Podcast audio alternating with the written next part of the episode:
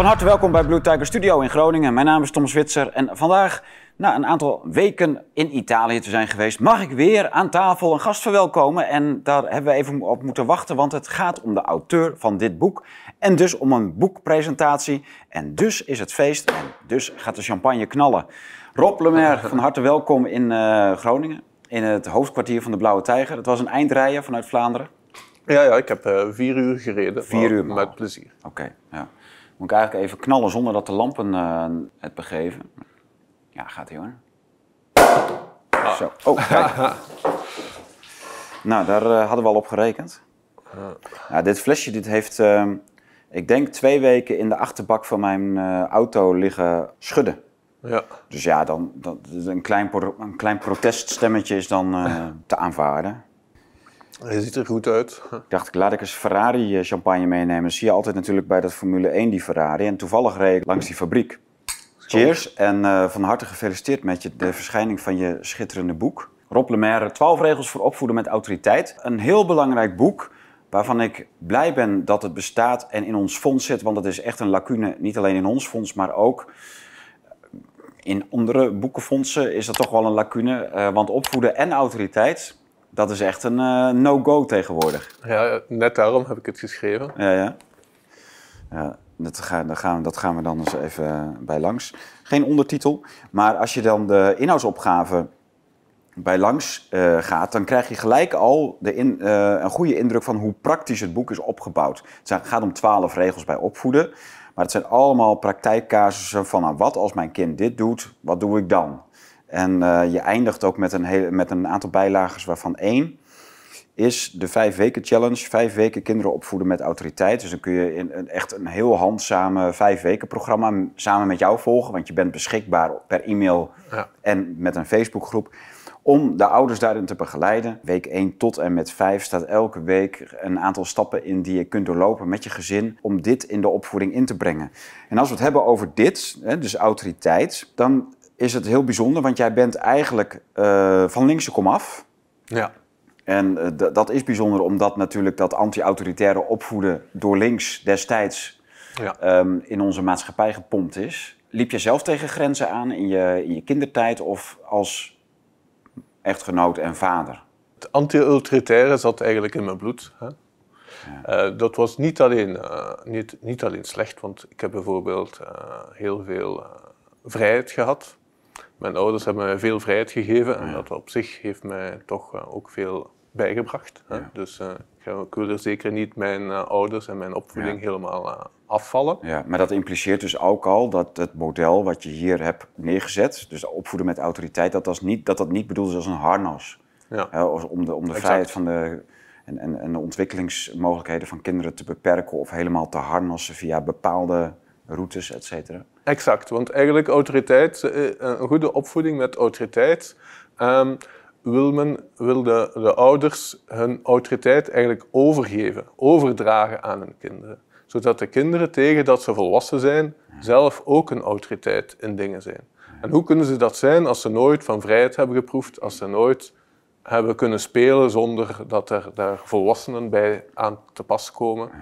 En dat is een element van mijn eigen opvoeding dat er eigenlijk ook uh, in is verwerkt in ja. het boek. Dus ja, uh, ja je bent een, van, vanuit een niet-religieuze linkse opvoeding, of niet-religieus niet, en, en links milieu, ben je eigenlijk naar een christelijk en meer conservatief milieu terechtgekomen. Ja.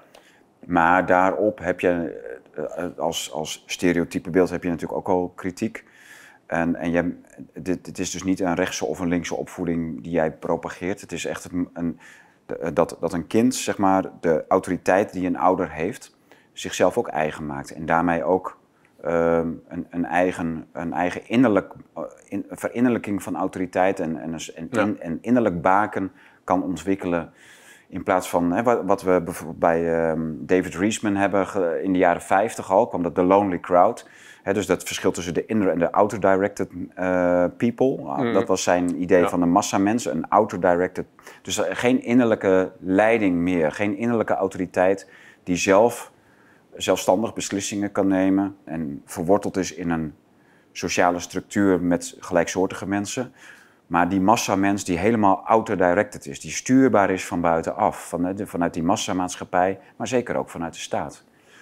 Dus er zit, er zit bij jou niet alleen maar een opvoedkundige kant op, maar ook een, een, een hele mooie beschrijving over man en vrouw, over het huwelijk, hoe, die, hoe, hoe belangrijk dat is voor een goede opvoeding. En natuurlijk impliciete kritiek op die massamaatschappij, op die, die, die stuurbare mens. Ja, inderdaad. En die, die kritiek is. Uh, ik, heb, uh, ik heb me altijd proberen ver te houden van uh, politiek in het boek. Het boek is bedoeld voor, om iedereen met kinderen te helpen om dat beter te doen. En die niet-stuurbaarheid, heel veel progressieve ouders zullen ook zoeken naar kinderen die opvoeden. Niet alleen dat ze dan de ideeën van de ouders volgen omdat ze denken, ah ja, we moeten dat wel volgen. Hmm. Maar ook dat die kinderen van uit zichzelf, vanuit hun eigen kracht en hun eigen visie, zelf ideeën opbouwen, die dan wel voor een stuk kunnen afwijken van die van de ouders, maar het is hun zoektocht op een gegeven moment die zij moeten volbrengen. Ja, en even concreet, hoe zie jij in de maatschappij van nu het, het, het probleem van uh, opvoedingen zonder autoriteit uh, ja, uit de klauwen lopen? Ja, men kan, uh, dat kan men op twee manieren zien. Men kan het zien van veel ouders, ook in progressieve milieus, zien een aantal zaken mislopen. Bijvoorbeeld, kinderen zijn veel te veel op de smartphone of kinderen eten veel te veel suiker. Eigenlijk, bijna elke weldenken ouder weet wel dat dat verkeerd is. Maar ze vinden geen methode om daar nee tegen te zeggen. Ze vinden geen methode om daar, om daar paal en perk aan te stellen. Ik bedoel daar ook niet mee dat ze helemaal geen suikers meer mogen eten of dat ze helemaal niks meer mogen doen op, uh, op de computer of op de smartphone. Maar dat er daar beperkingen op komen. En, en dus dat is al een, een, een eerste zaak waar ik wil uh, verbeteren met mijn boek. En dan de tweede zaak is dat men toch wel heel veel maatschappelijke problemen komen, ja. Die uh, vaak, waarbij de kinderen het eerste slachtoffer van zijn.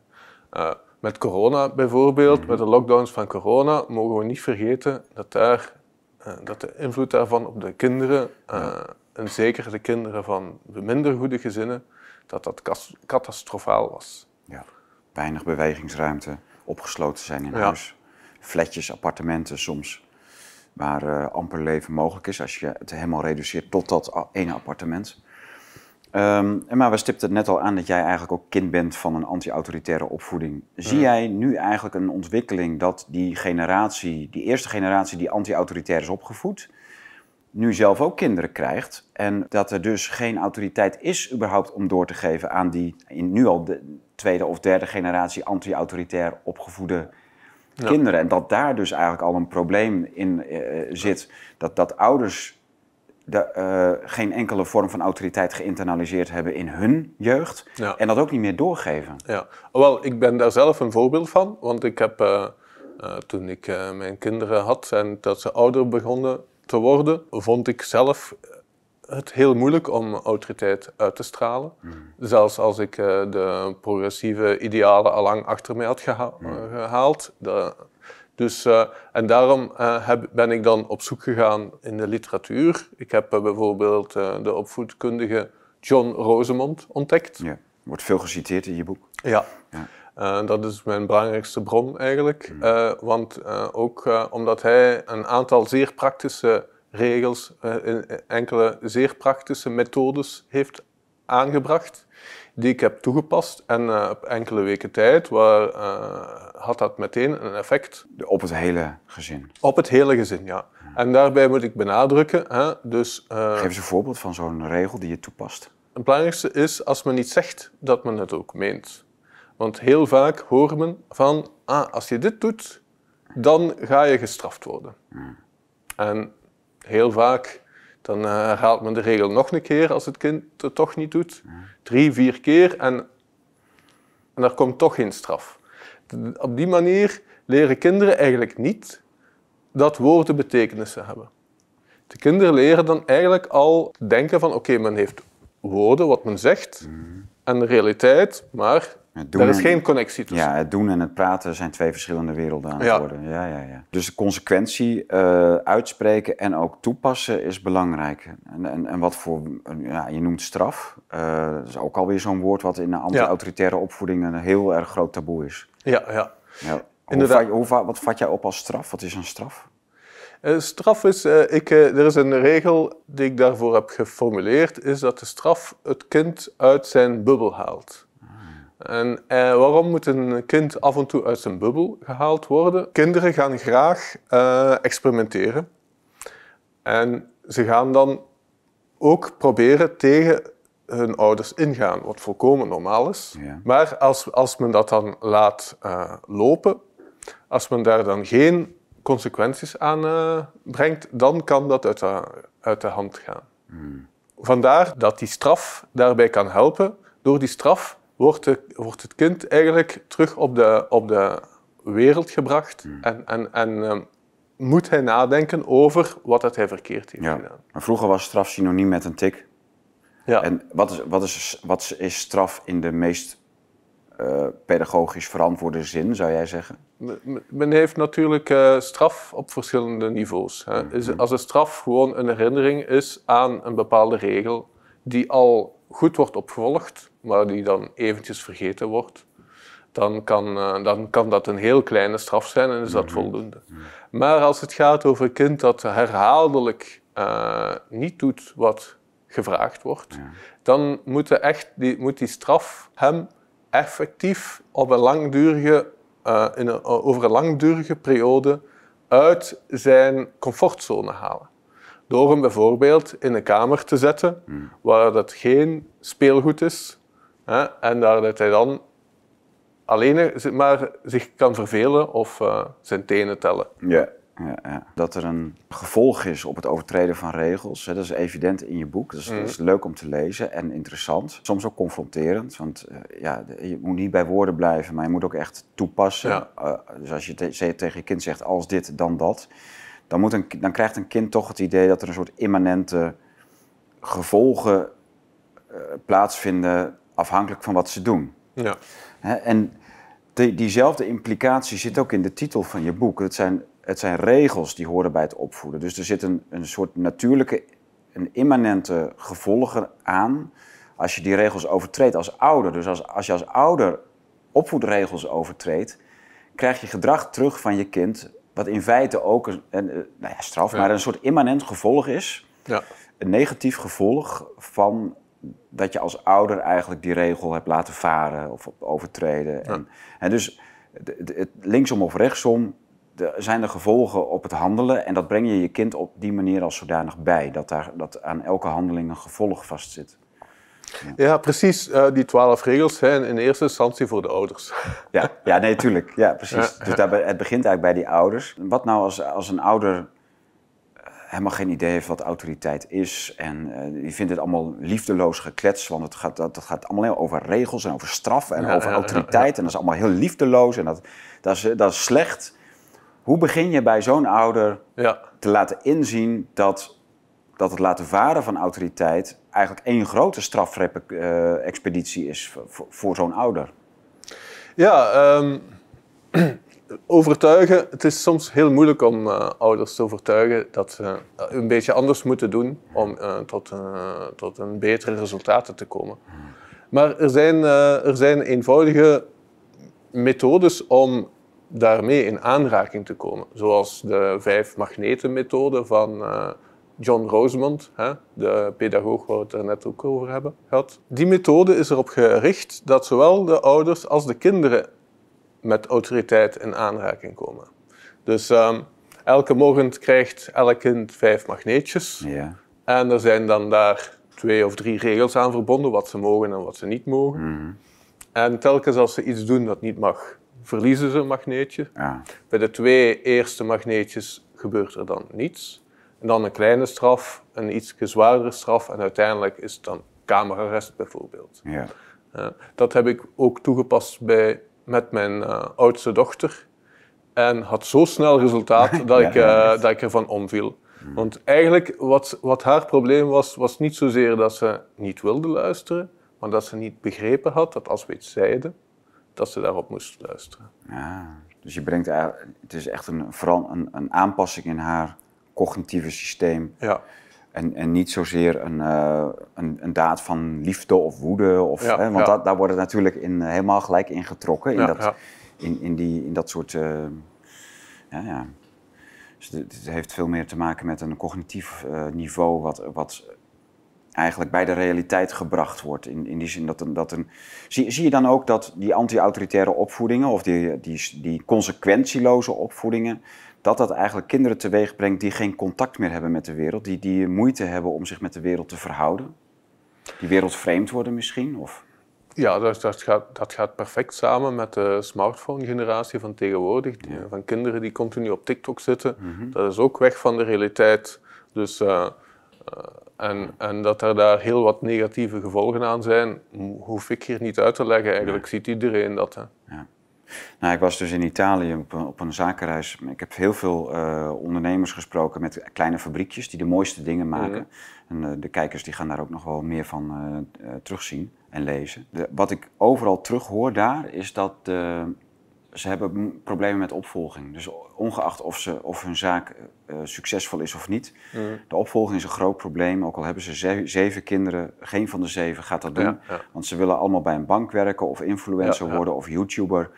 In ieder geval gewoon zitten, een computer, een scherm voor je neus en, en daarmee geld verdienen. Ja, ja, Maar gewoon in de fabriek van je vader werken, dat is gewoon nu in Italië het, het grootste probleem. En dan zie je dus in die, die vloek van die TikTok- en Instagram-generatie, zie je gewoon voor je ogen vo- voltrekken. Wat voorheen vanzelfsprekend was, dat als je ouders een bedrijf hebben, dat je daar ingroeit. Dat heb ik maar in één van de nou, twintig gevallen waar, die ik bezocht heb, heb ik dat ook gezien. Dat een, een jongen van twintig graag in het bedrijfje van zijn vader gaat werken en wil werken. En daar ook een studie voor gaat volgen en dan zich daar zo inplant. Maar voor de rest, je ziet hele industrieën verdwijnen onder, onder deze plaag. Dat die tieners, twintigers eigenlijk niks te, te maken willen hebben met doen en met maken. En met gewoon een, een arbeidsethos of de eer hebben om mooie dingen te maken. Dat is toch iets, iets bizars dat die, die, die TikTok en Instagram generatie, dat, dat, het, het is een enorme, eh, het houdt enorm huis, om het zo maar te zeggen. Dat is een enorme vernietigende werking die ervan uitgaat. Ja, ik raak dat, ook, dat onderwerp ook een beetje aan in mijn boek. Eh, bijvoorbeeld met advies dat eh, ouders hun kinderen moeten betrekken met hun werk. Ja. Dat dat heel belangrijk is en liefst van zo jong mogelijk. Nou, het is wel leuk, want jij zit in de IT, eh, net als mijn vader. En ik had daar inderdaad een probleem mee als jongen. Ik zag niet wat hij deed.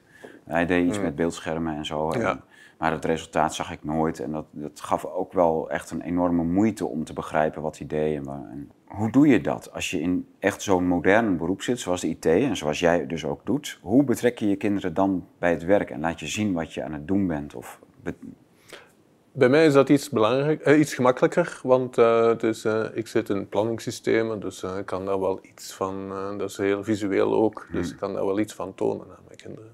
Oké, ja, ik kan dat wel uit- vanuit mezelf aangeven, maar ik, ik vind het belangrijker dat jij dat kan zeggen. Van wat, wat, wat brengt dat jou en je kinderen samen? Dat je dat kan aantonen. Kijk, als je vader schoenmaker is en je ziet, hij maakt een schoen, ja, klaar. Dat is, en, en, je, en hij doet ook, ook al doet hij dat in de kelder van het huis of, ja, of Ja, eh, Ja. hij heeft een winkel, dat maakt eigenlijk niet uit, je weet wat hij aan het doen is. Maar wat brengt het jou en je kinderen dat, dat zij snappen eh, wat jij met dat scherm aan het doen bent? Ja, ja. Oh, eh, eigenlijk, het schrijven van mijn boek is ook een goed voorbeeld. Want ik schrijf dan mijn boek en mijn oudste dochter schrijft ook haar boek. Hè? Ja? Dus ja, dat brengt ons wel samen. Ja. Dan, dan wisselen we tips uit. En, dus ja. Dat is leuk. Dat boek, dat, eh, zij heeft ook echt een, een- is ze er nog mee bezig? Of, ja, ze heeft wel eh, goede ideeën op dat vlak. ja, ja. Wordt het dan een kinderboek? Of, Eh, maar of, of dat het iets gaat worden, is nog te, dat valt nog te bezien. De ideeën, ideeën voor een boek vinden is eigenlijk gemakkelijk, maar om die dan uiteindelijk uit te werken, dat is een, stadium die we nog moeten passeren. Ja. Hm, Ze is nog, nog een beetje jong om daar aan al zo ver te gaan denken. ja, maar in feite ben je nu al betrokken bij het schrijfproces van haar boek. Ja, ja. Haar verhaal. Ja, Ja. ja. Oké. Hoe kom jij tot twaalf regels? Eh, Ik lees het een beetje als een knipoog op de twaalf regels voor, voor eh, van Jordan Peterson. Hoe heet het ook weer? Twaalf regels voor, ehm, nou ja, voor het leven, geloof ik. Voor het leven, ja. Ja, ja, precies. En er kwamen nog twaalf bij in een Ja, tweede deel. Ja, ja, ja. Eh, is het dat zo? Of? Ja, het is eigenlijk, eh, het is eigenlijk toen ik eh, Jordan Peterson zijn boek het eerste zag, dacht ik van oei, hij is me voor geweest. Want ik was, op dat moment was ik nog niet specifiek op opvoeding bezig, maar wel met geluk en vaderschap en dergelijke. En ik dacht van, hij is me, ik dacht een beetje van, hij is me voor. Maar toen, toen las ik en ik zag dat zijn regels, het zijn belangrijke regels die hij opstelt, maar dat hij daar eerder een eh, filosofisch dan een praktisch eh, uitleg aan gaf. Ja. Dus toen merkte ik wel van, hij heeft een andere aanpak. Kijk, Misschien achter elk goed boek eh, ligt een slecht boek. Want op dat moment schreef ik over opvoeding, maar dat was nog een redelijk chaotisch werk. En toen dacht ik, ah, laat me daar ook eens twaalf regels van maken. ja. En na veel wikken en wegen kwam ik tot elf regels. En toen dacht ik van ja, misschien toch niet zo'n goed idee. Maar toen vond ik, vond, ik een twaalfde regel, eigenlijk dat de belangrijkste regel is, dat de relatie, eh, twaalf, de- deze twaalfde regel is regel 9 geworden in mijn boek. Ja. De relatie met je partner gaat voor die met je kinderen. ja. Dat betekent dat je eerst moet zorgen dat je een goede relatie hebt, vooraleer dat je... eh, Oké. Ja. En, wa- en, wa- en wat is het pijnpunt in deze tijd waarom je die regel hebt eh, moeten opstellen of expliceren? Omdat ik voorzie dat eh, niet altijd iedereen even akkoord gaat zijn met de inhoud van dit boek. Ja. hè? Maar er zijn, er zijn mensen dus die de relatie met de kinderen belangrijker vinden dan die met de partner. Ja, heel vaak is de, is de opvoeding kind ge- gecentraliseerd. Dus het kind staat centraal, terwijl dat eigenlijk, eh, eh, als, als het kind centraal staat, dan is ook het- de levensstijl van de kind als, eh, wordt aanzien als het ideaal. Hè, kinderen nemen dat dan over en hebben dan geen voorbeeld meer, zoals u daarnet zei, van hè, als, als de ouders een, een familiezaak hebben Ja. als de opvoeding dan kind centraal staat, die familiezaak is dan bijzaak in het gezin. Terwijl als de ouder centraal staat, is die, wordt, die, wordt die familiezaak Ja. de kern van het gezin. Ja, ik merk dat, dat Italianen zijn echt dol op kinderen. Hè. Dus de, ehm, als je in Nederland of Duitsland eh, praat over je kinderen... Nou, dus, er zijn mensen die het fantastisch vinden, maar niemand interesseert zich voor de kinderen van een ander in Nederland. Zeker, zeker niet. Maar daar hoef je maar een foto te laten zien. Laat staan dat je met je een kind van vlees en bloed aankomt. Dan, en dan zijn ze helemaal in de wolken. Dat is gewoon lyrisch ten top. Als je, eh, als je laat zien eh, wat je kinderen, wie je kinderen zijn, of, of je hebt er één mee, of, dan, dan is dat. Die, die gaan helemaal door het dak van enthousiasme over Ja, ja, andermans kind. En hoe, dus hun liefde voor kinderen als, als volk zijnde, en dat, dat vind ik overal in dat land, is fenomenaal. Ja. Betekent dat dan dat ze echt een kindcentristische eh, weer, of gezinsvisie hebben? Of, of dat ze hun kinderen op één zetten voor hun partner? Of, Nee, ik denk dat dit een eh, heel gezonde attitude is om eh, kinderen als een geschenk te zien. Ja, hè, en ja. om heel te blij te zijn met andermans kinderen. ja, Eh, zolang dat, dat dat die kinderen niet continu centraal stelt. Eh, bijvoorbeeld, soms ben ik aan het werken en laat ik, een, laat ik mijn dochter op mijn schoot zitten. hè, als, als ik tegelijkertijd door kan werken. Ja, hè, dan kan ja. ik liefde geven en, en, en tegelijkertijd nog altijd mijn, eh, mijn, mijn werk centraal te zetten. En, en zij is bij jou, vindt ze fijn en ze laat je toch gewoon je gang gaan. Ja, voilà. Ja, mooi. En ehm, eh, hoe krijgt dat gestalte? Dat je je partner op, op één zet, eh, hè, dus dat, dat die hele belangrijke regel, daar wil- wil ik- blijf ik toch wel even op terugkomen. Ehm, die partner komt voor de, voor de kinderen. Wat, hoe, geef je dat concreet gestalte? Ja, voldoende samen doen, zonder dat de kinderen daar noodzakelijk bij zijn. Eh, ook een tip van eh, John Rosemond is eh, eh, dat het bed is in eerste plaats, het ouderlijk bed is in eerste plaats voor de ouders. Eh, veel ouders laten hun kinderen vaak tussen hun twee slapen. Dat, als dat ene keer gebeurt, is dat uiteraard geen probleem. Maar als dat een gewoonte wordt, ja, die, nee, de ouders zijn met elkaar getrouwd. Die kinderen zijn niet met de ouders getrouwd. Dus dergelijke zaken. Terwijl het natuurlijk vanzelfsprekend een moment komt dat een, een, baby niet meer tussen de ouders inslaapt en een eigen bed krijgt. Ja. Dus dat gaat vrij natuurlijk. Ja. Maar er zijn, er zijn dus ouders die daarin blijven hangen en dat kind blijft daar gewoon liggen. Dan. Ja, dat zal veel gebeuren, ja. Toch? Ik denk het wel, ja. Ja, oké. Ja. Of het moet niet noodzakelijk dit precies zijn, hè, maar het is een voorbeeld. Ja. Jouw visie op het huwelijk is, is heel interessant eh, en, en echt scheiden.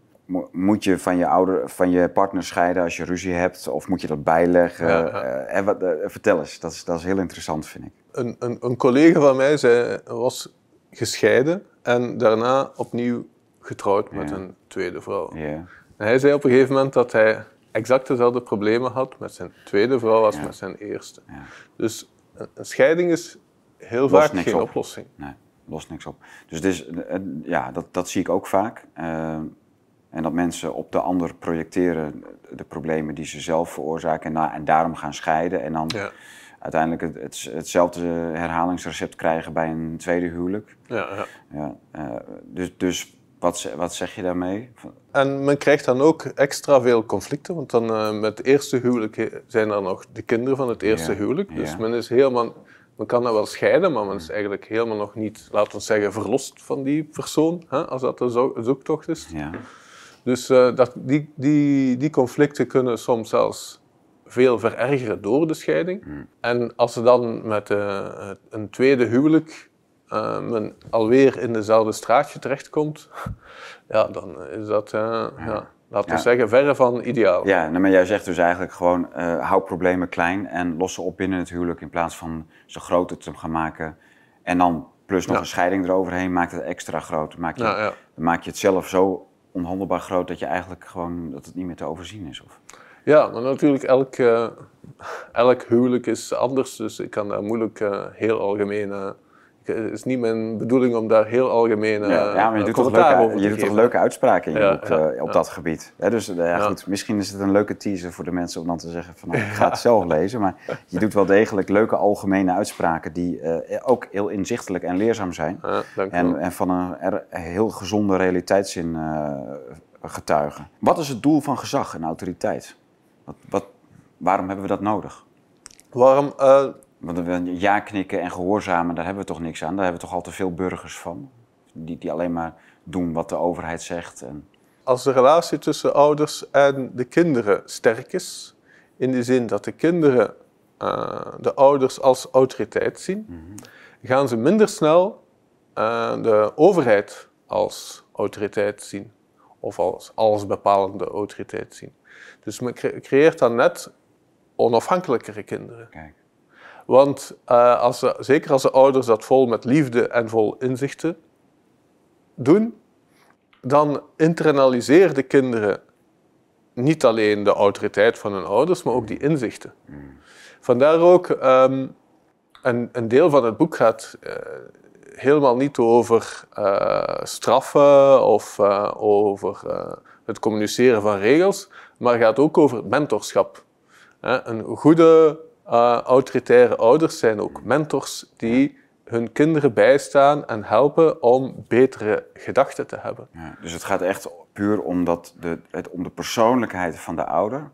En de autoriteit en gezag zijn daar uh, automatisch uh, spelen daarin een rol. Mm. In plaats van de onpersoonlijke en, en, autoriteit van, van het staatsgezag. Ja. Die, die, zich, die zich zonder, zonder persoonlijke kenmerken, ja. zonder, zonder gezicht maar puur vanuit een uh, bureaucratie laat gelden. Ja, wat, wat David Reisman ook zei, hè, dus die, uh, die auto-directed uh, people die geen mm. gezag internaliseren, zijn heel vatbaar voor stuurbaarheid vanuit ja. bovenaf. Exact. In contrast met kinderen die wel een geïnternaliseerde richtingswijzer, een, een baken hebben of geïnternaliseerde autoriteit. Soms in de psychotherapie noemen ze dat ook geïnternaliseerde vaderfiguur. Die wel degelijk een, een, een innerlijk kompas hebben. ja, ja, ja. Ja, ik heb nog getwijfeld om mijn, mijn boek te, te, hangen aan het vaderschap, aan vaderlijke opvoeding. Mm. Hè? Maar het is uh, autoriteit geworden hè? als uh, centraal woord voor het boek. Ja, dat was al, is natuurlijk al erg genoeg voor de tijdgeest. Ja, ja. Maar een, een, vader is helemaal taboe. Dat, uh, dat moet, moet natuurlijk, eh, het voorbeeld van deze tijd is de, is, is, is de moeder. En de, de vader is een soort tweede, een aanhangsel van zijn vrouw. Zo'n Ja, tweede ja, ja, moeder. ja. Ja, Exact. Is de, zie je daar een, eh, zie, zie jij die, die combinatie wel? Want ik schrijf daarover in mijn eigen twee boeken eh, eh, vrij uitgebreid. Hè? Dus dat de vader een soort tweede moeder is geworden en alleen maar in die rol geaccepteerd wordt. Is, dat is cruciaal. Dus het verlies aan vaderlijke autoriteit heeft dat natuurlijk, maakt dat ook. Dat die, dat die vaders soort weekdieren zijn die er een beetje bij hangen. Ja, dat is een moeilijk thema. Vaak zijn dat, eh, eh, is dat zo sterk ingeworteld in de huidige relaties, Ja. dat dat langs beide kanten eigenlijk komt. Vaders die zich berusten in die rol Ja. en, en moeders die eh, moest, eh, moest vaderlief daar van, van die rol willen afstappen. Hè? Dat die dan dat niet appreciëren. Dus het is heel moeilijk om, om daarvan af te stappen, denk Ja, ik. ja, ja. Je, je ziet ook het verlies aan die, aan die hele liefdevolle moeders. Ja, die, die echt in, eh, hun, hun kinderen lief hebben, maar ook bewogen zijn met anderen. Maar dat, dat, dat, dat hele lief, liefdevolle vrouwelijke, dat, dat zie je ook. Hè? Dus de, aan, de, aan de ene kant dus die, het, het verlies aan vaderlijke autoriteit. Zie je dat die mannen Ja. dat dat een soort weekdieren worden die veel te lievig zijn en eigenlijk vooral ja en amen zeggen op hun vrouw. En die vrouwen, dat worden van die eh ja, fakesen, die, die, die, die zonder enige vorm van, van die klassieke liefdevolle vrouwelijkheid. Die, die polen van mannelijkheid en vrouwelijkheid, die komen steeds verder uit elkaar te liggen ook. Ja, het is zelfs nog erger, want dan Wil de, je nog een slokje trouwens? Een slokje, Ja, ja, Fer- een graag. slokje Ferrari? het is zelfs nog erger, want eigenlijk dan komt het kind er nog bij. Ja. En heel vaak dat de, de moeder speelt dan wel de baas ten opzichte van de vader, ja. maar laat het kind, Maar wordt slaaf van het kind. wordt slaaf van het kind. Ja. Zo komt de vader op het derde plan. Ja. zou je kunnen zeggen. Ja, ja goed, dat, dat zie je ook in die klassieke naoorlogse psychische literatuur, of eh, ja, psycholiteratuur, zie je, zie je dat soort Ja. fenomenen ook. eh, en bijvoorbeeld dat boekje Het Vaardeloze Tijdperk van Van der Does de Willebad, Ja. die we uitgegeven hebben. Eigenlijk exact hetzelfde formaat als jouw boek, dat is wel grappig. Ja, die schrijft dat natuurlijk ook, dus die, die vaderlijkheid die neemt af. Moeders, eh, nou ja, hoe heet het, Christopher Lash, hè, met de, de Ja. haven in een harteloze wereld. eh, Ja. en de ma- maatschappij van het narcisme. Dat zijn twee van zijn hoofdwerken die toch wel dit probleem helemaal uitspinnen. En dan heb je het al over de jaren 50, 60, 70, waarin dit allemaal al beschreven staat. Dus eigenlijk zou je kunnen zeggen dat de mensen met de, de, de, de, filosofen en de sociologen met echt een sensitiviteit voor de tijdgeest, dit eigenlijk al geschreven hebben voordat jij en ik geboren zijn. Ja, dat, laat zien hoe diep het allemaal is tegenwoordig. Ja. En hoe moeilijk het eigenlijk is om er tegenin te gaan. Ja. Maar ik, daarom ook dat het een heel praktisch werk is geworden. Mhm. Want hoe praktischer, hoe dichter bij de oplossing. En eh, bijvoorbeeld mijn vijf weken challenge, dat ik op het einde eh, eh, schets, Ja. geeft de kans om aan ouders die zeggen van oké, we gaan eens proberen. Mhm. Of om, om dit eh, boek in de praktijk te brengen, Ja. geeft eigenlijk eh, op een heel praktische manier aan Ja. hoe dat ze dat kunnen doen. Ja. Dus jij zegt eigenlijk van eh, die, die, die, die grote monumentale werken zoals het Vaardeloze Tijdperk, de cultuur van het narcisme van Lesch, David Reesman met De Eenzame Massa, The Lonely Crowd. Dat zijn waanzinnige klassiekers naar, naar taalgebied, maar zijn waanzinnige klassiekers ge- geworden en ook geweest. Maar die blijven hangen in een soort theoretische overblik over de maatschappij, de grote tendensen, zonder dat er echt, zoals jij dat uitgebreid doet, in elk hoofdstuk keer op keer en zelfs in elke paragraaf keer op keer naar hele concrete oplossingen toe werkt. Ja. Praktijkcasussen. Dit is het probleem, dit is er aan de hand, dit is eigenlijk het grondprobleem en de oplossing ligt daar. Dat heb ik ook van John Rosemond. Ah, Die ook op dergelijke heel Ja. directe manier Ja. schrijft. is dat niet iets Amerikaans ook gelijk? Dat er gewoon heel, zo concreet gewoon een, een hulpboek, een zelfhulpboek, Mm. maar een hulpboek of een handboek. Of, eh, dat, is, dat is wel iets. Hè, we Amerikanen willen natuurlijk Ja. weten, van, ja, we hebben dit probleem, daar ligt de oplossing. Ram eh, naar de, Ja, dat het, kan wel het zijn. stappenplan. Er zijn wel meer Amerikanen in mijn eh, Ja. leeslijst. Ja, ja, ja. De leeslijst is overigens niet heel groot. Dus je, mensen die geïnteresseerd zijn, die kunnen gewoon... ehm, nou, het, het zijn een, een boekje of eh, veertig. Hmm. Waarvan een aantal eh, vertaald zijn. Nou, oh, je citeert Van Does de Vaderlandse Ja, ja. Tijdperk, die wij uitgegeven hebben. Heruitgegeven. Ja, grappig. Leuke titels ook. Ik ga er ook een paar aanschaffen. Nou, Marijke Bisschop in Vlaanderen, bekender dan hier. Jordan Peterson natuurlijk eh, bekender bij onze achterban, maar over het algemeen. Eh, wat ik zelf ook leuk vond, is de, dat boek van Robert Bly, De Adolescentenmaatschappij. Ja, ja, dat vertaald eind jaren negentig. Ja, ja. Eh, Frank Furedi, of Furedi, ik weet niet eigenlijk, ik weet niet eens hoe het schrijft, maar of zegt. Eh, en dat gaat allemaal over datzelfde probleem. Het ontbreken van gezag, het terugkeren van afwezig vaderschap. Bestaat het, bestaat het niet? Dat is ook een goede vraag. Paul Verhagen, autoriteit. Dat is, is eigenlijk een hele goede auteur. Hè, uit. Gent. Is een hele, hele goede auteur. Dus dat is, dat is ook een bekende eh, voor het Nederlands taalgebied. Ja, en eh, een boek hier dat ik echt kan eh, aanraden is eentje van een huismoeder, Ja. Kei Wills Wima, Cleaning House, a mom's 12-month experiment to rid her home of youth entitlement. Het gaat over een vrouw die met veel zelfhumor kan, kan eh, vertelt ze hoe dat ze haar kinderen heeft aangezet om 12 taken uit te voeren. Zoals regelmatig Ja. eten maken voor, eh, voor eh, Ja, hun, hun kamer in orde houden, boodschappen doen, dergelijke zaken. mooi. Dus die, le- die leeslijst is, is eh, leuk. Maar jouw, jouw boek zelf vind ik een heel goed afgerond werk. Waarin je als ouder met concrete problemen.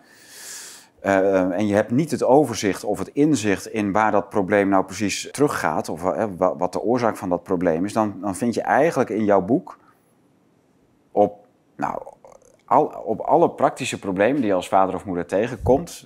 eh, van jou een heel keurige spiegel hou je dan voor van ja, maar dit is er eigenlijk aan de hand. Ja. En de oplossing ligt daar. En, eh, en, en dat, is, dat is het mooie van dat, eh, van dat boek. Het is een uh, voetgroepen van allerlei hele leuke vraagstukken. Heel veel, heel veel leuke vraagstukken. Eén daarvan, willen mijn kinderen wel het goede voor zichzelf? Maar een, hè, dan is het het sprookje deze tijd is natuurlijk... Ja, alles, alles wat een kind van nature doet is al goed. Dus dat hoeft Ja, niet... maar willen kinderen het goede voor zichzelf? Ja, als mijn kind een berg snoep geeft, dan gaat hij die berg snoep natuurlijk eh, opeten. Dus ja, eh, Ja. dus ja, hoe goed is dat voor zichzelf? Eh, misschien in eerste instantie gaat hij dat leuk vinden, maar misschien wordt hij daar ziek van. Dus, Ja, Wat ik ook mooi vind is de, dat kinderen graag hun ouders uittesten. En dat, Ja. en dat moderne ouders dat niet altijd als zodanig zien. ja. hè, Of ervaren en, en dan, of dat niet snappen. Dus de, de- die, onze generatie, ze- soms zelfs 10, 20 jaar ouder al, die anti- anti-autoritair is opgevoed, die, die, die hebben zo'n disconnectie met de realiteit. Dat ze eigenlijk ook niet meer die, die autoriteitsvraag van dat kind kunnen, kunnen zien. Die hebben, die, Ja, die hebben zo'n bril op dat, dat ze niet meer kunnen zien dat, er een, dat, ze, dat ze met de billen bloot moeten om, om een kind te corrigeren. Puur en alleen omdat hij daarom vraagt. Ja, ja. Ik merk bij mijn eigen kinderen dat die soms echt wel verlangen naar eh, autoriteit. En, en bij mij komen om te zeggen, oké, eh, ik was op bezoek hè, en Ja. er was daar natuurlijk veel koekjes en zo verder. Ja. Met mijn, en mijn kinderen vroegen bijna aan mij om te zeggen van eh, stop. Hè, dat ik tegen hen zei om te stoppen met van die koekjes te eten. Omdat ze ergens wel beseffen dat blijven eten aan die koeken, dat daar een einde aan moet komen. Hè. Ja. Dus de kinderen hebben nood aan richting en ze vinden dat eigenlijk leuk dat, ze, dat er richting aan hun leven wordt gegeven. Ja, en bovendien moet je als ouder kun je niet meer verschuilen achter een soort formeel ouderschap.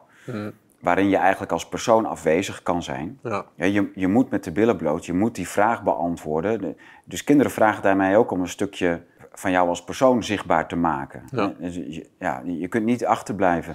Kijk, uiteindelijk dat formele ouderschap, hè, wat, zoals ik dat dan noem of zie, met alleen maar p- plichtmatige aandacht geven en, je, en, en eh, impliciet slaaf worden van je eigen kinderen.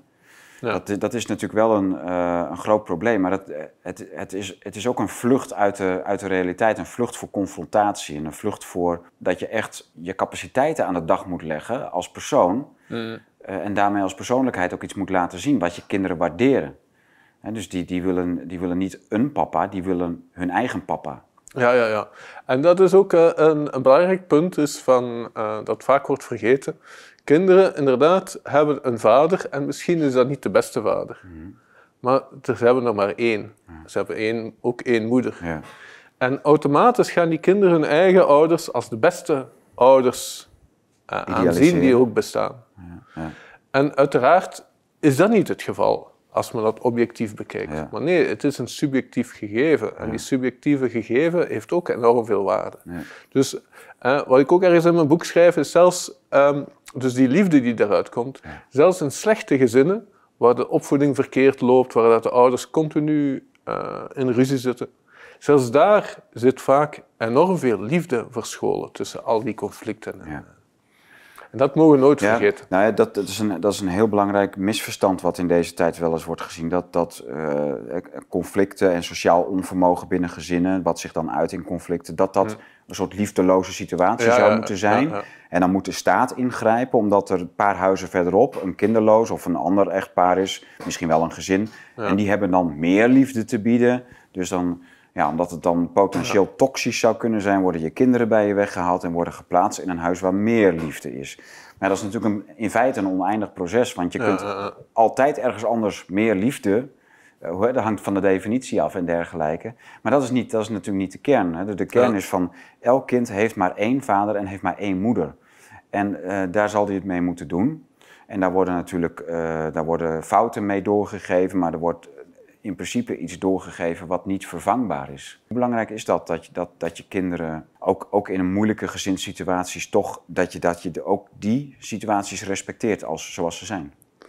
Ja, maar die, die moeilijke gezinssituaties worden nog extra moeilijk gemaakt door bijvoorbeeld de opvoedkundige tik te verbieden. Misschien uh, intellectuelen die goed hun ideeën kunnen uitdrukken mhm. en die zich goed onder controle hebben, die gaan misschien wel hun kinderen zonder opvoedkundige tik kunnen opvoeden ja. Hè, tot respectvolle personen. En, misschien hebben ze dat nooit nodig. Maar kun je van iedereen in de wereld verlangen dat er een soort communicatieniveau behaald moet kunnen zijn? Ja. En, en als je dat niet hebt, dan mag je geen kinderen krijgen. Voilà, voilà. Dat wordt al... Terwijl, de, terwijl net, net die, die tik kan net een, een heel directe communicatievorm zijn, dat niet noodzakelijk slecht is. Hmm. Het is belangrijker om dat de kinderen opgevoed worden, dan dat, ze af en toe, uh, dan dat ze beschermd worden tegen de toch vrij uh, lage schade van een kleine tik. Wat is, ja, wat is schade? En wat is schade, ja. ja. dus waar, waar, we het in het begin over hadden, die twaalf regels voor opvoeden. Dus als, als een ouder dat niet doet en in feite gewoon mm. de, de, immanente regels van het opvoeden negeert, ja, dan wordt het gestraft met een onopgevoed kind. En met, een, met een, een kind zonder geïnternaliseerde autoriteit. Met een, een kind wat uh, disconnectie vertoont met de, met de wereld om zich heen. Met, dus allerlei vormen van immanente straf. Uh, mm. en, en dus grote schade die, die, dat is natuurlijk, ja, wat, wat, is, wat is schade dan? Uh, wat is, is elke consequentie van de straf? Is dat schade? Nee, dat is eigenlijk, uh, eigenlijk het proberen te minimaliseren van schade in zo'n kind zelf. dus juist door hem in contact te brengen met, met de gevolgen van zijn handelen, met, juist door hem steeds maar bij de, bij de werkelijkheid te, te trekken en die disconnectie met de realiteit uh, te voorkomen. Ja, de bedoeling van een straf is net om toekomstige straf te voorkomen. Maar goed, uh, dat zijn allemaal uh, abstracte bespiegelingen die eigenlijk uit de titel van, de, van het boek voortkomen. Maar die, wat we hebben gezegd, die concrete dat hele concrete schema wat jij uh, hanteert met uh, casussen tot en met een, een jengelend kind in de supermarkt aan toe. en wat jij dat je duidelijk dan weer... Um... Ja, dat kan ik misschien even uitleggen, want dat is een, eigenlijk wel een goed voorbeeld. Je ziet het vaak ja, dat, uh, dat de kinderen die meekomen naar de supermarkt niet uh, onder controle worden gehouden door hun ouders. Ja. Eigenlijk, ik moet bekennen dat ik dat ook in het begin had. Ja. En, en, en daar is vaak een, een onduidelijkheid dat daar de bron van is. Hoe, hoe kan men daaraan verbeteren? Ja, die duidelijkheid geven, maar men kan ook gewoon naar de supermarkt gaan zonder echt de bedoeling om iets te kopen, maar om het gewoon aan uw kind te verduidelijken van samen met uw kind naar de supermarkt en dan de kind zeggen van kijk, als je iets uh, verkeerd doet, je geeft eerst duidelijke regels als je iets verkeerd doet, we zijn meteen weg. Zo geeft men de, de boodschap, de directe boodschap aan het kind van het is gedaan met spelen. Ja. We gaan uw gedrag niet meer tolereren. En na enkele keren op die manier oefenen, is, eh, gaat, die, gaat dat kind eh, eh, veel beter eh, zich gedragen. Ja. Ik kwam het woord uithuilkamer tegen en toen, eh, dat had ik eigenlijk Ah, ja. nooit gehoord. Wat is een uithuilkamer? Ah ja, ja, een uithuilkamer is een kamer waar dat men de kinderen zet, waar ze eigenlijk mogen huilen. Ah, Mogen schreeuwen zoveel als ze willen. ah. Hè? Maar als, eh, ja, soms eh, kinderen kunnen hun gevoelens niet altijd even goed beheersen. Die worden kwaad, ze schreeuwen, Een soort afreageren. afreageren. Ja. Dat is soms moeilijk om dat, eh, om dat meteen stop te zetten. En eigenlijk als ouder, het ergste is niet dat ze die, dat ze die oprispingen hebben, die emotionele oprispingen hebben, maar dat ze daardoor de, het gezin tyranniseren. Ja, ja. Door een uithuilkamer te voorzien. Een kamer waar dat liefst zo weinig mogelijk gespeeld kan worden en liefst zo weinig mogelijk Prikkeloze eh, ruimte. kapot kan. eh, hè? Mhm. Dus eh, geen, geen vleugelpiano daar Nee, bijvoorbeeld. nee, nee, Hè? ja. Door een uithuilkamer af te spreken. En men spreekt dat best af als het kind rustig is. Hmm. Hè? Zeggen van, ah ja, als je nog eens ehm, moet huilen of als je nog eens woedend bent, Ja. ga daar maar naartoe. Hè? En dan mag je blijven zolang als je wilt. En als je dan beter bent, kom je terug. En dan eh, kan je trots aan ons vertellen dat je huilbui heb- hebt overwonnen. Oké. Als er een klein kind is, best af en toe komen kijken. Maar voor de- verder... Ja, dus dat, dat terroriseren van een gezin door, door middel van schreeuwen, krijsen, blijven huilen. En, eh, en, ja, goed, dat zijn natuurlijk geluiden die niemand leuk vindt. Dus net, net, als, net als een waakhond die blaft. En blaffen is geen fijn geluid. Dan weet je dat er wat is. Weet je? En bij een krijsend kind is dat natuurlijk eigenlijk ook een natuurboodschap. Ja, ja, Als een kind krijst, ja, dan moet je even kijken wat, wat er is. uiteraard. Maar een kind hè, is, kan al op hele jonge leeftijd het besef on- ontwikkelen dat hij dat als middel kan inzetten om de, de, de omgeving te terroriseren en zijn zin te krijgen. Ja. Uiteraard, als het kind eh krijst omwille van een terechte regel, Ja. eh, reden, hè, Ja. dan, eh, dan is er een andere reactie nodig. Hè. Een, een kind dat zwaar is gevallen, moet getroost worden. Of als een kind een beetje licht is gevallen en huilt, er is bijvoorbeeld een, een kleine wond. Wat ik doe met mijn dochters is dan me focussen op de wond en niet op het gehuil. En zoiets helpt ook wel. Oké. Stel je hebt een, een gezinssituatie hè, de, eh, waar- waarbij je eh, eh, één kind en dat kind dat weet beide ouders te terroriseren. Nou heb jij die vijf weken challenge achter in het boek opgenomen. Jij, jij geeft voor meerdere kinderen van 4 tot 12 jaar, maar ook van 2 tot 4 jaar. Zeg je hebt een, een peuter van 3, 4 jaar die eh, de ouders terroriseert. Wat, hoe ga je zo'n vijf weken challenge aan? Ja, de vijf weken challenge. De eerste week is de makkelijkste week. Is niks speciaals doen, Ja? maar vooral kijken. De eerste week gaat vooral over van wat zijn hier de problemen die u het meeste storen. Want daar gaat het ook om. Is, eh, het gaat hier niet om, om iedereen te overdonderen met ah, de, het gezin moet eh, heel strak geregisseerd worden of zoiets. Het gaat hier niet over eh, helikopterouderschap. Hè? Maar het gaat erom, wat stoort u het best, eh, het ergste? En dat is ook een goede graadmeter over waarop het eerste gereageerd moet worden. En wat stoort niet alleen u, maar ook, ook de kinderen zelf. Want eh, waarschijnlijk stoort hen ook dingen die, die, Ja. die terecht zijn, die terecht kunnen zijn. En in de tweede week is dat dan bijvoorbeeld communicatie, waardoor op de communicatie moet gelet worden. Ja. Pas in de derde week gaan we echt beginnen met, eh, Met die magneten. met die magneten. maar werkt Ja, dat bij drie, vierjarigen? Ja, eh, bij mij vanaf vier jaar. ja. Oké, ja. Maar voor drie, vierjarigen had ik een eh, andere... ja. Oh ja, de consequenties voor peuters. Ik had, ik had Ja. voor peuters, ik had een aparte voor peuters en voor, en ook Ja. voor tieners natuurlijk. Dat Hè. is bladzij eh, 184. Voorbespreken met je partner over de, wat je met Ja. je peuter gaat doen. En tweejarigen ja, consequenties geven. Directe instructies zonder het te vragen. Niet, wil je opruimen? Wel, raap nu je speelgoed op en doe het in deze doos. Bij nee of bij roepen, schreeuwen, bijten, negeren of ander onbetamelijk gedrag, ook als hij andere kinderen pest, pak hem op, zeg kort wat hij niet meer mag doen, zet hem in zijn kamer, sluit hem met zo'n half peuterdeurtje af, alternatief een andere kamer of gewoon even apart zetten. Ja, Mm. oké, Het gedeelte kort is daar heel belangrijk aan. kort. Want men denkt altijd van te veel positieve aandacht is slecht voor het kind. Mm. Hè? Door altijd te zeggen van kind, oh, je bent fantastisch. Maar ook te veel negatieve aandacht. Soms slecht. zoeken de kinderen veel aandacht. En of is, maakt het hun niet uit of het positieve Ja, of negatieve Ja. aandacht Ja. is. Dus ook voor negatieve aandacht moet men best zo kort mogelijk zijn. Hmm. Heel kort zeggen wat er verkeerd is, een consequentie geven en dan eh, laten rusten. Oké. Ja, en dan dat, dus jouw derde stap is ook, als hij kalmeert, laat je hem weer vrij. Communiceer heel kort terug wat hij niet mag doen. Voilà. Ja. Alle heel korte interacties. En jouw ervaring is dat dit gewoon, dit werkt altijd? Of? Eh, Er bestaan kinderen die heel koppig kunnen zijn, dus altijd is moeilijk te zeggen. Ja, oké. Ja. Ah. Daarna ga je de uitbarsting in de auto, dus problemen buitenshuis. Ja, en dan komen er weer allerlei stappen die je... Het is ontzettend handzaam en praktisch. En dus in elke situatie kun je gewoon eh, dit boek erop naslaan en vinden wat je kan doen. In, eh, en, en dan niet alleen maar per probleem, maar het ook inpassen in een hele reeks van Ja. weken, challenges of Mm. eh, hele reeks aan ontwikkelingen. Je hoeft het natuurlijk niet in vijf weken te doen. Je kunt het ook Ja, ja, uiteraard. Ja.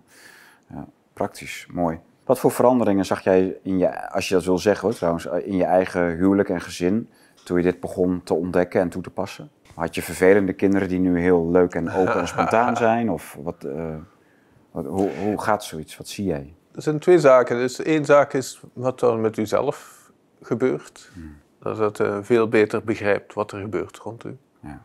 Als men weet hoe dat de autoriteit werkt, dan ziet men ook rond zich en ziet men van oké, de kinderen eh, doen verwend, maar eigenlijk verwende kinderen zijn niet verwend uit zichzelf, Ja. maar het zijn de ouders die hen verwenden. Zodat als een ouder, ik hoor af en toe eh, een moeder of een vader zeggen tegen hun eigen kind, ah, je bent wel eh, verwend. Hè? Ja, ja. ja, ja. wat betekent dat? Ja. Dat is eigenlijk een, een, ja, een, ja, dat is eigenlijk een probleem dat bij henzelf begon. Heb Ah. jij een leuker gezin gekregen?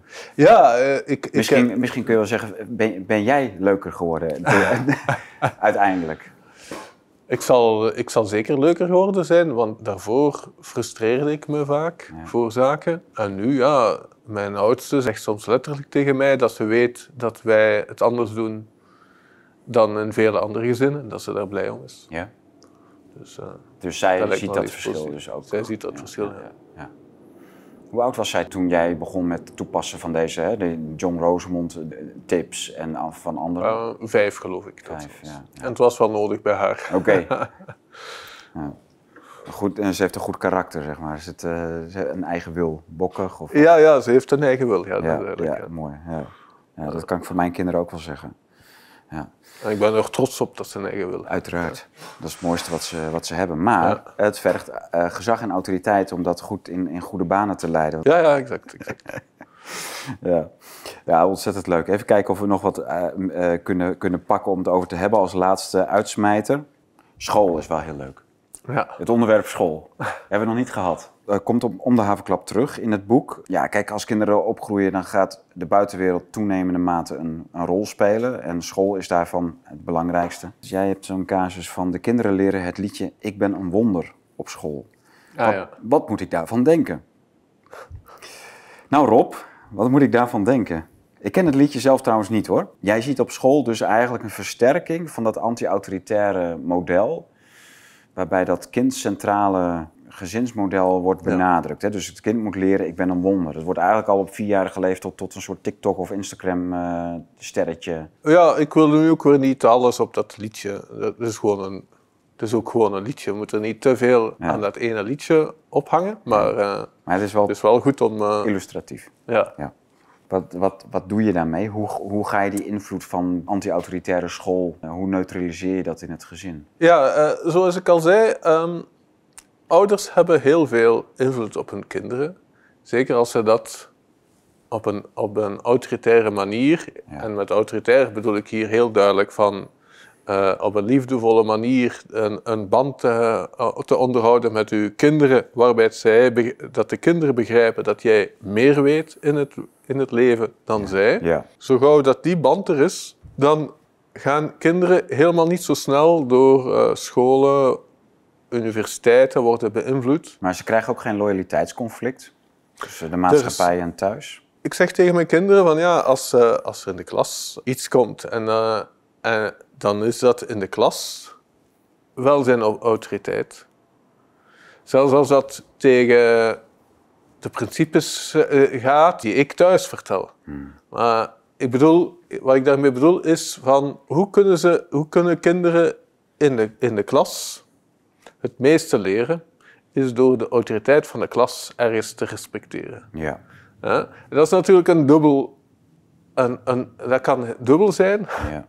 zeker in deze tijden, waar dat men soms in de klas rare dingen leert. Ja. Ja. Maar zolang dit die relatie er is met de ouders, kan dat dus tot een bepaald niveau eh, tegengegaan worden door wel te accepteren dat die relatie er is in de klas, maar tegelijkertijd de relatie met de ouders blijft belangrijker. Natuurlijk is het geen ideale situatie, maar het is wel een situatie waar er veel ouders in zitten. Niet iedereen kan de kinderen thuis onderwijs geven. Ja. ja. Niet iedereen heeft evenveel controle op Ben je daarvoor trouwens, homeschooling? ja, ja, zeker. Als dat goed gegeven wordt. Ja. Ik geef ook een paar tips van eh, homeschooling in het boek. Maar dat is niet erg uitgebreid, want ik heb er zelf niet zoveel ervaring mee. Maar Oké. Kijk, in coronatijd waren er heel veel mensen die zeiden van ja, Tom, alles goed en wel. eh, ik snap het allemaal, maar ja, ik heb een vrouw thuis of ik heb een man thuis en die is helemaal mee, die kijkt nog tv. En dat ging door alle gezinnen heen. Hmm. Wat nou als iemand dit boek leest en zegt van ja, dat is leuk bedoeld, maar eh, die eh, huwelijk met of relatie met mijn partner op één zetten voor mijn kinderen, maar mijn partner denkt daar nou an- anders, hij denkt helemaal andersom.